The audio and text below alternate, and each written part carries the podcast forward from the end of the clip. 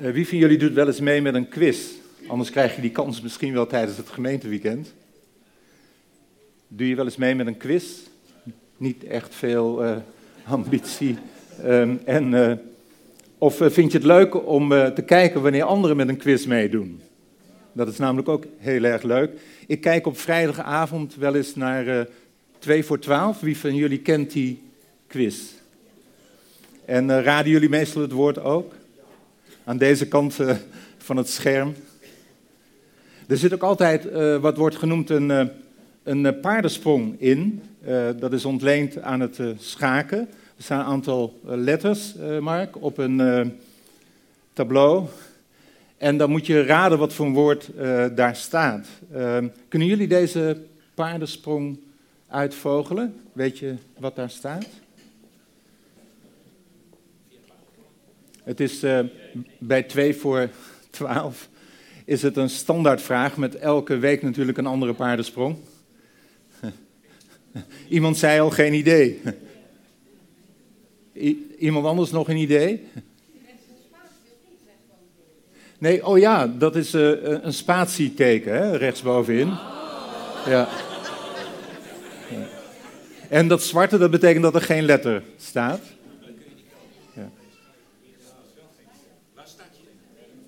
Um, bij een van de E's zou ik starten als ik jou was, Roeland. Eén ding, hoorde ik zeggen. Dat is hem. Eén ding. Ik loop vaker langs de Katerijnen-singel en toen uh, zag ik het, dit billboard, Mark. Um, en als mensen het over één ding hebben, dan hebben ze het over dit soort dingen. Reizen, cabrio, stappen, carrière. Ik weet niet waar jij aan denkt als je aan één ding uh, denkt. Um, deze tekst was vol in beeld. Uh, had meer het centrum van het billboard. Maar er was ook nog een andere tekst. Uh, Mark. Um, ik wil maar één ding genezen. Dus toen kwam de aap uit de mouw. Het ging om iemand die ernstig ziek was en je herkent ook aan wat er helemaal onderaan staat, www.stamceldonor.nl, dat dat iemand was met leukemie, uh, die alleen nog een kans had uh, om te leven en om te genezen, wanneer er een stamceldonor uh, was. En het lijkt me als je terminaal ziek bent en mensen vragen aan je, wat zou je het liefst willen? Dat je zegt, nou één ding, genezen. Uh, als we het over stamceldonoren hebben, kennen jullie het verhaal van uh, de spits. Ik heb het over voetbal nu, van VVV Venlo. Uh, het heeft breed uit in de pers gestaan, is daar uitgemeten.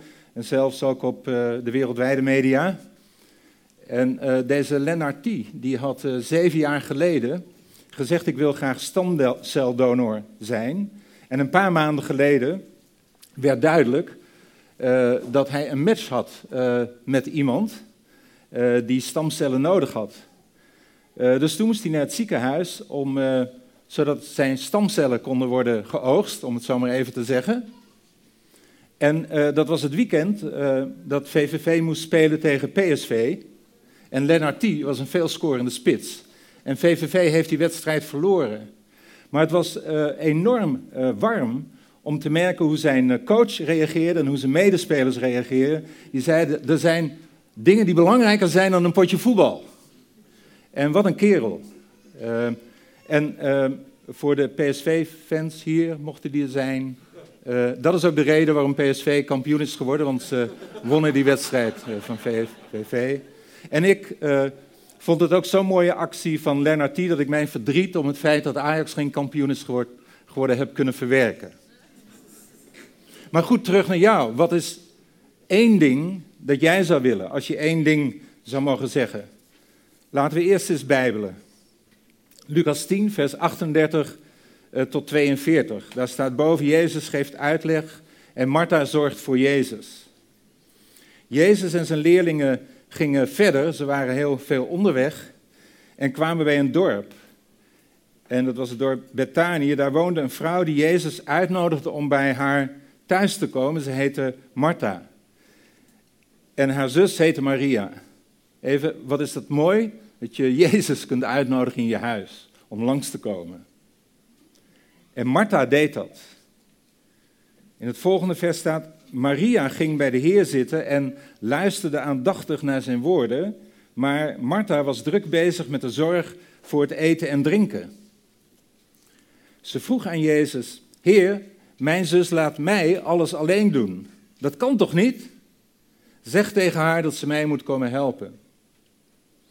En toen zei de Heer tegen haar: Martha, Martha, maak je toch niet altijd zoveel zorgen?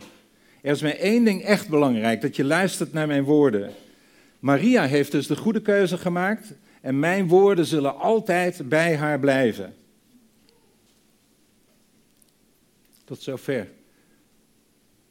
Is met grote mate van zekerheid vast te stellen dat deze Maria dezelfde Maria was waarover in Johannes 12 wordt geschreven. Misschien was het wel dezelfde dag, dezelfde gebeurtenis. De Maria die bij Jezus kwam, bij hem knielde, eh, zijn voeten met haar tranen nat maakte en met kostbare nardes, uh, een parfum, hele dure parfum kwam en Jezus voeten zalfde en, en ze droog maakte met haar haren. En als ik dit gedeelte uit Lucas 10 lees, moet ik onmiddellijk denken aan David in Psalm 27. Dit is als het ware een echo van Psalm 27, waar David zegt: Ik vraag aan de Heer één ding. Meer heb ik niet nodig. Ik wil bij Hem wonen, elke dag, heel mijn leven. Ik wil bij Hem zijn in de tempel. Dan zal ik zien hoe goed Hij is. De situatie hier in Lucas 10, het gedeelte dat we net hebben gelezen, is op een allesbepalend moment in het leven van Jezus. Hij stond op het punt om te lijden, om gekruisigd te worden, om te sterven aan het kruis. En Jezus was bezig iedereen die dat wilde uh, bij hem uh, te vragen, om zich heen te verzamelen, om in die dagen voor zijn lijden, sterven, dood, uh, over belangrijke dingen te hebben. En zo waren Maria en Martha en Lazarus was zijn broer, die zal denk ik ook thuis geweest zijn toen Jezus daar was. Uh, bij Jezus in deze voor Jezus spannende tijd, maar voor iedereen spannende tijd. Uh, de namen van de mensen die ik net noemde, Maria en Martha en Lazarus, waren bereid om in gehoorzaamheid in Jezus te leven koste wat het kost. En Jezus was het absolute middelpunt. En uh, Maria was degene die uh, proefde uh, dat iets ging gebeuren. In Johannes 12 staat ook dat ze Jezus salfde, omdat ze aanvoelde dat hij ging sterven. En ze bereidde als het ware zijn begrafenis voor. Ieder woord was belangrijk. Ieder woord is belangrijk als je praat met iemand die uh, op het punt staat om uh, heel, een lange reis te maken, of die je een tijd niet meer zult zien, of zeker iemand die gaat sterven. En er zou nog zoveel te doen zijn, ook nadat Jezus vertrokken zou zijn en de Heilige Geest zou komen, waar de discipelen op dat moment nog niet ontzettend eh, veel zicht op hadden, wij meer, nu we erachter staan. Maar er zou een heleboel te doen zijn. Genezen en onderwijzen, preken en gastvrijheid verlenen, leiden en helpen. En gemeenteweekenden. En de discipelen moesten leren om het te doen op de manier waarop Jezus het deed. Alle discipelen en niet alleen de twaalf. Nou, hoe reageerden zij op Jezus op dit allesbepalende moment? Kijk, wanneer we kijken wanneer er, uh, wat er gebeurde in het huis van Martha en Maria en Lazarus, dan hebben we de neiging om te denken dat uh, Martha de praktische was en Maria de onpraktische. Maar wanneer we luisteren naar wat Jezus zegt, zijn commentaar op de gebeurtenis, dan blijkt juist dat Maria de praktische was en Martha de onpraktische. Maria luisterde naar Jezus.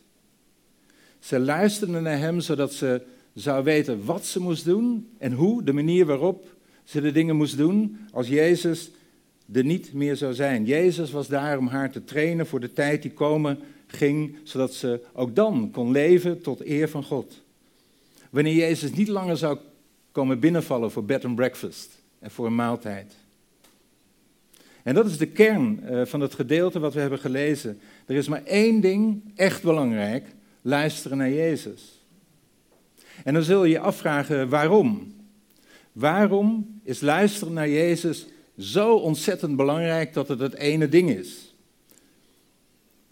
Ik heb drie redenen die ik met jullie zou willen bespreken. Omdat wanneer wij niet luisteren naar Jezus, wij uh, met veel te veel dingen bezig zijn. Of met de verkeerde dingen. Of dat we misschien wel met de goede dingen bezig zijn, maar op de verkeerde manier. Eerst wanneer we niet naar Jezus luisteren, zijn we met te veel dingen bezig, gewoonlijk. Nou, jullie zijn allemaal bekend met het eh, begrip multitasking, denk ik, toch? Zoveel mogelijk verschillende dingen doen tegelijkertijd. Maar hoeveel dingen kun jij tegelijk doen? Denk eens na. En bied. Misschien, wat zeg je? ja. ja. We hebben ook echte slimme mensen hier.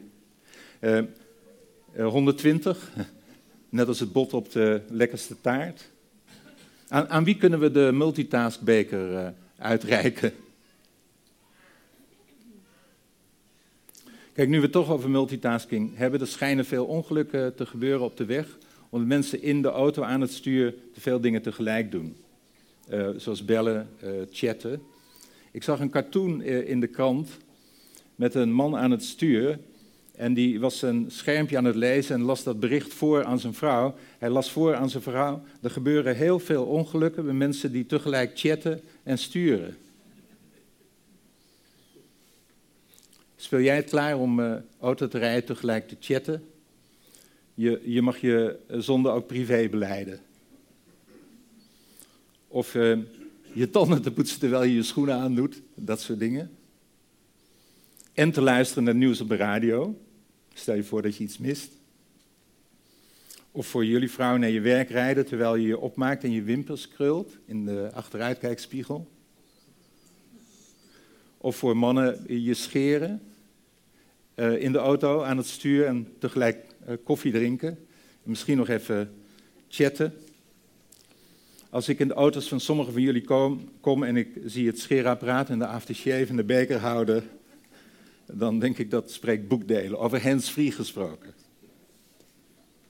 Maar goed, waar het over gaat is, wat heeft echt onze aandacht? Naar welke stemmen luisteren we en uh, hoe kiezen we daarin? En dan horen we inderdaad Jezus over Maria zeggen, is maar één ding echt belangrijk, dat je luistert naar mijn woorden. En hij bevestigt de keuze die Maria heeft gemaakt. En dan die fantastische belofte, mijn woorden zullen altijd bij haar blijven. Ze zullen beklijven. Ze zullen werken in haar leven, in wie ze is en wat ze doet. Maria had een enorme focus, een onverdeelde aandacht. Zij luisterde maar naar één stem, de stem eh, van haar meester, her master's voice. Martha was te druk om naar Jezus te luisteren. En dan lijkt Maria lui, toch? Als je het leest. Eugene Peterson in zijn commentaar op Spreuken 15, vers 19 zegt: De drukke persoon is een luie persoon. Druk zijn is de weg van de minste weerstand. Wij vullen dan onze tijd met onze eigen acties in plaats van aandacht te besteden aan Gods acties en daarin binnen te gaan, daarbij betrokken te raken. En als gevolg daarvan zijn drukke mensen luie mensen omdat ze niet doen wat God van hen verwacht. Maria is zoveel aandacht voor Jezus. Hoe gaan wij om met zo'n doelgerichtheid? Zij was onder de indruk van de grootheid van God in Jezus. Ze was onder de indruk van de aantrekkingskracht van Jezus. Ze voelde zich tot hem aangetrokken. En ze merkte ook dat ze niet werd afgestoten, maar dat Jezus heel toegankelijk was in wat hij zei. En ze verlangde met één ding. Dat ene verlangen dat al haar andere verlangens absorbeerde. Zijn waar hij is, zien wat hij ziet, denken wat hij dacht, doen wat hij doet. Maria probeerde niet eerst alles uit om vervolgens tot ontdekking te komen dat er uiteindelijk toch maar één ding is. Zij begon met het ene ding. Zij besluit niet te multitasken en om zich niet zoals Martha zich altijd zoveel zorgen te maken over alles. Maar eerst en alleen te luisteren naar God, naar Jezus. En dan, wanneer we niet naar Jezus luisteren, doen we gewoonlijk de verkeerde dingen. Nou, dan kun je vragen, nou, wat is nou goed en wat is nou verkeerd? Onze tekst zegt in Lucas 10, maar Martha was druk bezig met de zorg voor het eten en drinken. Ze vroeg aan Jezus, Heer, mijn zus laat mij alles alleen doen, dat kan toch niet? Zeg tegen haar dat ze mij moet komen helpen. Ik heb dit verwijt, en misschien jullie ook wel, uh, van Martha aan Maria via Jezus. Door de jaren heen op verschillende momenten en op verschillende manieren gehoord. Wanneer bijvoorbeeld degene die dient, degene die bidt verwijt dat hij of zij niet helpt dienen. Toch? Maar Jezus verwijt Martha. Martha, Martha, maak je toch niet altijd zoveel zorgen? Dit verwijt van Jezus aan Martha is vaak verkeerd uitgelegd. Alsof dienen niet belangrijk is. Het wordt dan uh, misbruikt door mensen die een excuus zoeken om niet te dienen. Die heel bemoedigend uh, of zelfs neerbuigend kunnen zijn aan mensen die die dienen. Jij bent een echte Martha. Met andere woorden, ik ben een Maria, jij bent maar een Martha. Ik zit aan de voeten van Jezus. Ik aanbid. Uh, jij dient alleen maar. Is het eten al klaar? Nee, gastvrijheid was bij de Joden toen en nog steeds nu ook in het Midden-Oosten ontzettend belangrijk. En het zou zo blijven tot op de dag van vandaag. En gastvrijheid staat heel hoog in het vaandel van de Vineyard. Dus je doet uh, goed uh, om je aan te melden aan uh, een van de mensen, de organisatoren van het gemeenteweekend. Voor zover je dacht, nou ik zit wel aan de voeten van Jezus dat weekend. Maar wat Jezus duidelijk wilde maken, was dat er maar één ding belangrijker was dan gastvrijheid. En dienen. Jezus wilde dienen niet afschaffen of vervangen door aanbidding. Hij wilde zitten aan zijn voeten en bidden en aanbidden en dienen niet tegenover elkaar zetten. Nee, Jezus wilde duidelijk maken dat alles moet voortvloeien uit gesprek met Hem, uit intimiteit met Hem. En het gaat om de volgorde. Eerst aan zijn voeten zitten, dan dienen. Als je geen tijd hebt om te dienen, dan uh, ben je misschien vergeten om eerst aan de voeten van Jezus te zitten. Opnieuw Eugene Peterson in zijn commentaar op 1 Timotheus 2, waar het gaat over gebed. Waar hij schrijft, om effectief te zijn, moet gebed het eerste zijn dat we doen, niet het laatste van de tijd die we overhouden. We beginnen met gebed, zodat al onze andere activiteiten op de juiste manier worden geleid. Wanneer we hebben gebeden, zijn we geestelijk gevoeliger. We ontvangen dan de kracht die ons toerist om in beweging te komen en te dienen.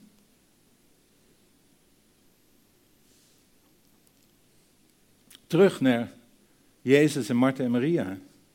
De urgentie om naar Jezus te luisteren was toen en daar ontzettend groot. Het was waarschijnlijk de laatste ontmoeting van Jezus met Maria, Martha en Lazarus en de anderen die daar op dat moment in huis waren voor zijn dood. De laatste kans om te weten wat en hoe ze moesten doen nadat Jezus er niet meer zou zijn.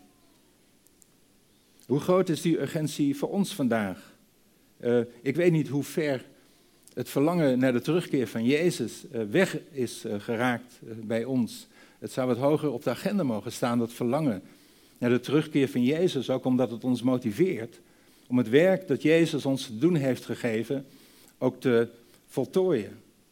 Wij leven vlak voor de terugkeer van Jezus.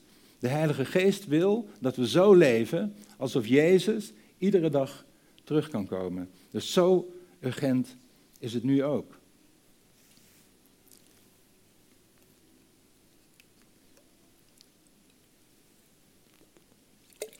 Ja, zul je zeggen, alles goed en wel, lekker relevant. Luisteren naar Jezus, eh, zitten aan zijn voeten.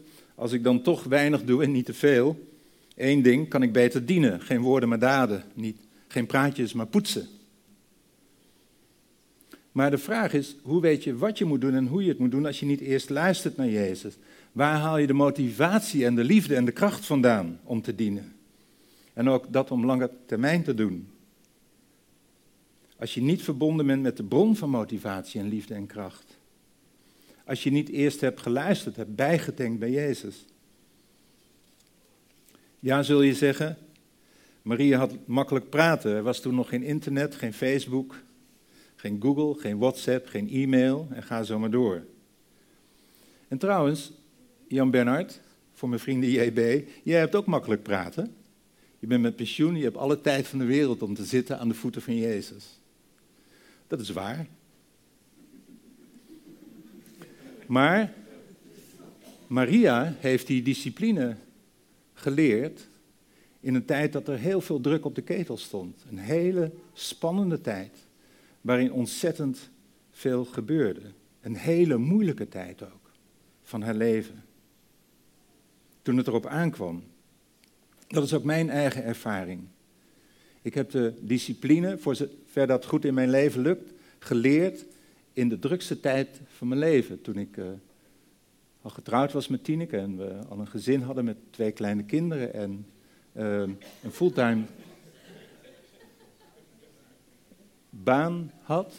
En uh, dat combineerde met gemeenteleiding. Toen heb ik het geleerd. Je bent natuurlijk nooit te oud om te leren, maar denk niet dat je het pas gaat leren als je met pensioen bent. Of als je vakantie hebt. Hè? Wie heeft dat wel eens gedacht? Als ik vakantie heb, heb ik lekker veel tijd om te zitten aan de voeten van Jezus. Bij sommige mensen werkt dat inderdaad heel goed.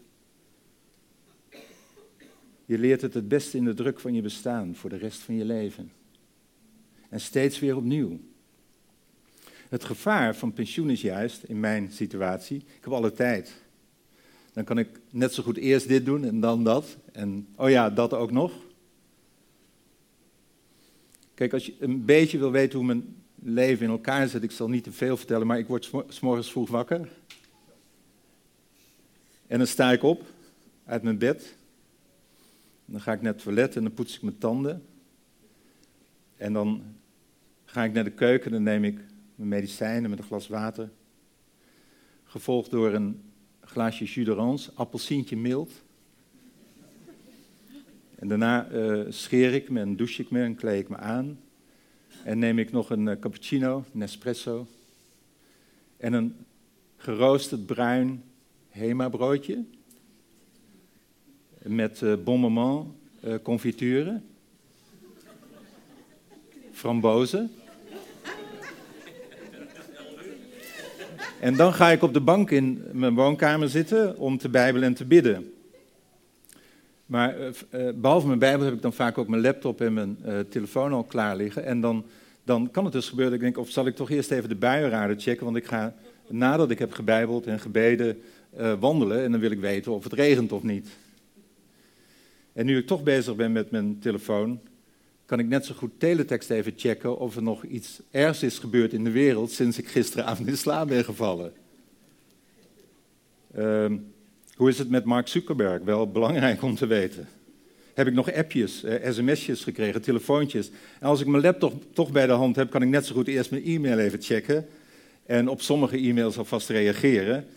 En dan kan ik ook net zo goed wat telefoontjes doen. En voor je het weet, uh, is de dag ver gevorderd. Heb je wel eens van FOMO gehoord? F-O-M-O. Fear of missing out. De angst om iets te missen. En wat is onverdeelde aandacht in onze tijd uh, toch moeilijk? En daarin zie je dat het goede de vijand is van het beste. Kijk, je zou een lijstje kunnen maken van alles wat je op een dag doet. Um, slapen, opstaan, ontbijten, werken, winkelen, koken, eten, de krant lezen, tv kijken. Um, omkijken naar je familie en buren, enzovoort, enzovoort, enzovoort. En als je dan ook nog de volgorde zou bijhouden en de tijd die je eraan besteedt dagelijks, dan worden je werkelijke prioriteiten duidelijk, toch? Um, zeker wanneer iemand anders 24 uur per dag over je schouder meekijkt. Nou, er is zo iemand, om je gerust te stellen, de Heilige Geest. En hij kijkt naar je, maar zonder veroordeling.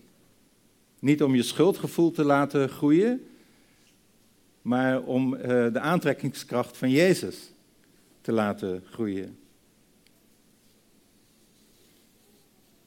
Nou, dat zitten aan het voeten van Jezus. Denken jullie dat dat alleen belangrijk is voor bijvoorbeeld de leiders van deze gemeente, voor Bram en Rosemarie en Janneke? Zullen we het aan hen overlaten?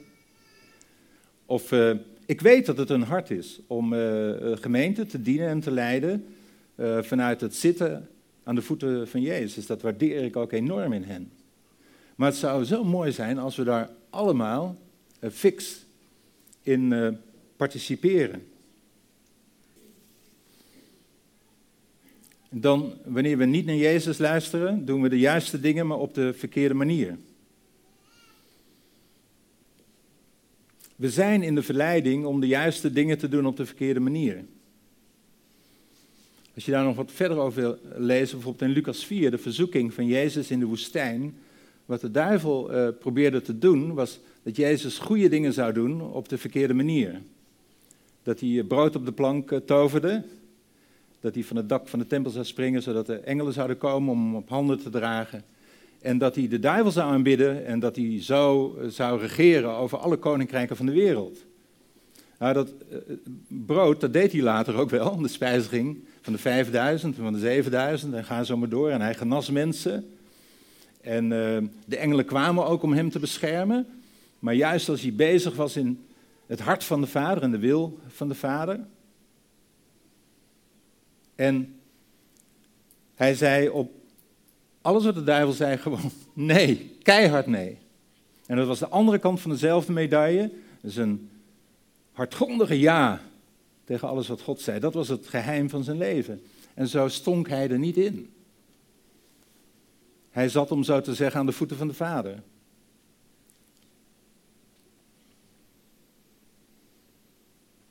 We kunnen zelfs het ene juiste, het zitten aan de voeten van Jezus, op de verkeerde manier doen. Ik weet dat er heel wat mensen zijn, ook in, om zo te zeggen, onze kringen, die nog steeds averechts reageren op stille tijd. Omdat ze daar een hele wettische bijklank bij hebben. En dat is heel jammer. Het zou uh, mooi zijn als we daar van weggroeiden, van het schuldgevoel en dat wettische. Er zijn ook mensen die uh, uh, spreken over een tijd met God en, en op anderen neerkijken. Maar jij bent nog niet zo ver. Ik denk dat is het laatste wat je zou denken en zeggen wanneer je aan de voeten van Jezus hebt gezeten. Omdat als Jezus ergens een hardgrondige hekel aan heeft, is dat we een soort status opbouwen door het zitten aan zijn voeten. Dus het gaat om, over de relatie met Hem persoonlijk contact met Hem. En als we er een systeem van maken, los van Jezus, dan schiet het zijn doel ver voorbij. Erger nog, dan gaat het totaal in de verkeerde richting. Er is maar één juiste manier om het enige juiste te doen. Dat is door persoonlijk en relationeel te zijn, zoals Jezus steeds weer deed. Door in alles de weg van de liefde te bewandelen, de weg van Jezus. Alle andere wegen zijn verkeerde wegen. Paulus is er super duidelijk over in 1 Korinthe 13. Ik lees het uit de Bijbel in gewone taal, vers 1 tot 3. En er staat boven de liefde. Zonder liefde is alles zinloos. Als je geen liefde hebt voor anderen, zijn je woorden zinloos. Zelfs laat de Heilige Geest je alle talen van de wereld spreken. En ook nog de taal van de engelen. Als je geen liefde hebt voor anderen, beteken je niets. Zelfs laat God je zijn boodschap bekendmaken en krijg je van hem al zijn geheime kennis. En zelfs al heb je zo'n groot geloof dat je bergen kunt verzetten. Als je geen liefde hebt voor anderen, is alles wat je doet zinloos. Zelfs al verkoop je je bezit, geef je geld aan de armen, zelfs al sterf je in het vuur, omdat je je leven geeft voor een goede zaak. Dus het komt hierop neer. Uh, zonder liefde zijn onze woorden zinloos. Zonder liefde betekenen we niets. En zonder liefde is alles wat we doen zinloos.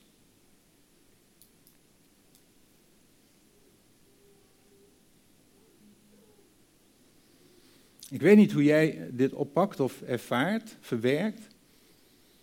Maar dan denk ik, oh, wat stom dat ik telkens weer faal. We falen toch allemaal wel eens? Of niet? Ben ik de enige? Zoals ik wel eerder heb gezegd, uh, liefhebben is onze Achillespees waar we het meest kwetsbaar zijn. Er is toch niemand hier van ons die zegt, oh dat doe ik wel even, liefhebben, mijn sterke punt. liefhebben, daar ben ik zo goed in.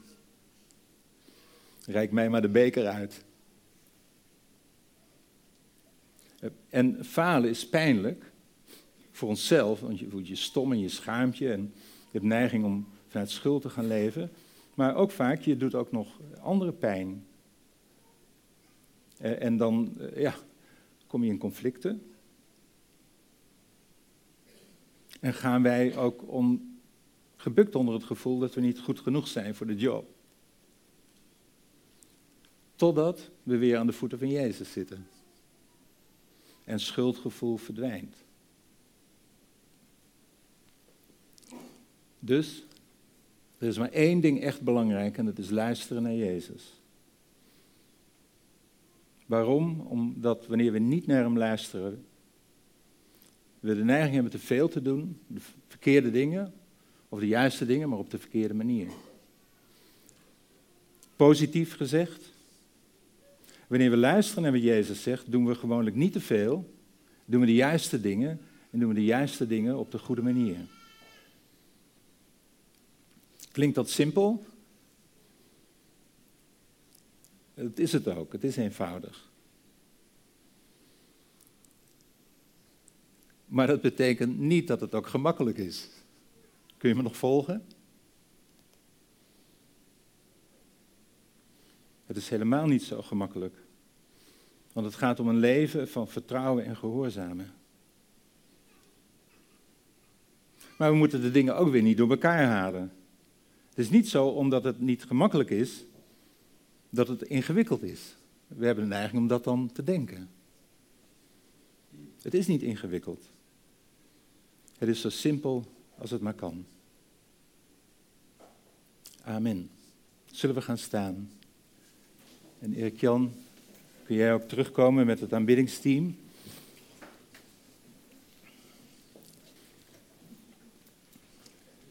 Goed, hier is de oproep. Kies om aan de voeten van Jezus te zitten. Als je faalt, kies opnieuw. Word opnieuw. En denk niet omdat je niet aan zijn voeten hebt gezeten dat je niet welkom bent om te zitten aan zijn voeten. Je bent meer dan welkom. Dus kies, een keuze is belangrijk. En oefen van daaruit. Soms kan het goed zijn een tijd per dag bijvoorbeeld daarvoor te hebben. En vanuit die houding dan ook verder te leven. Een tijd en een plek. Waar, wat, wanneer. Wat ik eerder heb gezegd, zeg ik nog eens, als je iets 26 keer hebt gedaan, is het onderdeel van je leven. Laat ik je een klein geheimpje verklappen. Een deel van de preek had ik eerder voorbereid, maar ik moest eerst mijn eigen leven weer op orde brengen, want ik zat in de pensioenmode, ik dacht ik kan eerst wel andere dingen doen. En uh, dat werkte niet. Dus daar, daar zat ik dan hè, met mijn laptop en mijn telefoon, ook op de bank naast de Bijbel. En uh, ik, uh, ik heb niet eerst de bijenraden gecheckt, dus ik heb dat eerst geoefend. voordat ik daar vanmorgen weer met jullie uh, over spreek. Dus sterkte. Is dat niet mooi dat de woorden van Jezus altijd bij ons zullen blijven? Dat niemand ze kan wegroven. Hij zegt tegen ieder van jullie: Mijn woorden zullen altijd bij je blijven.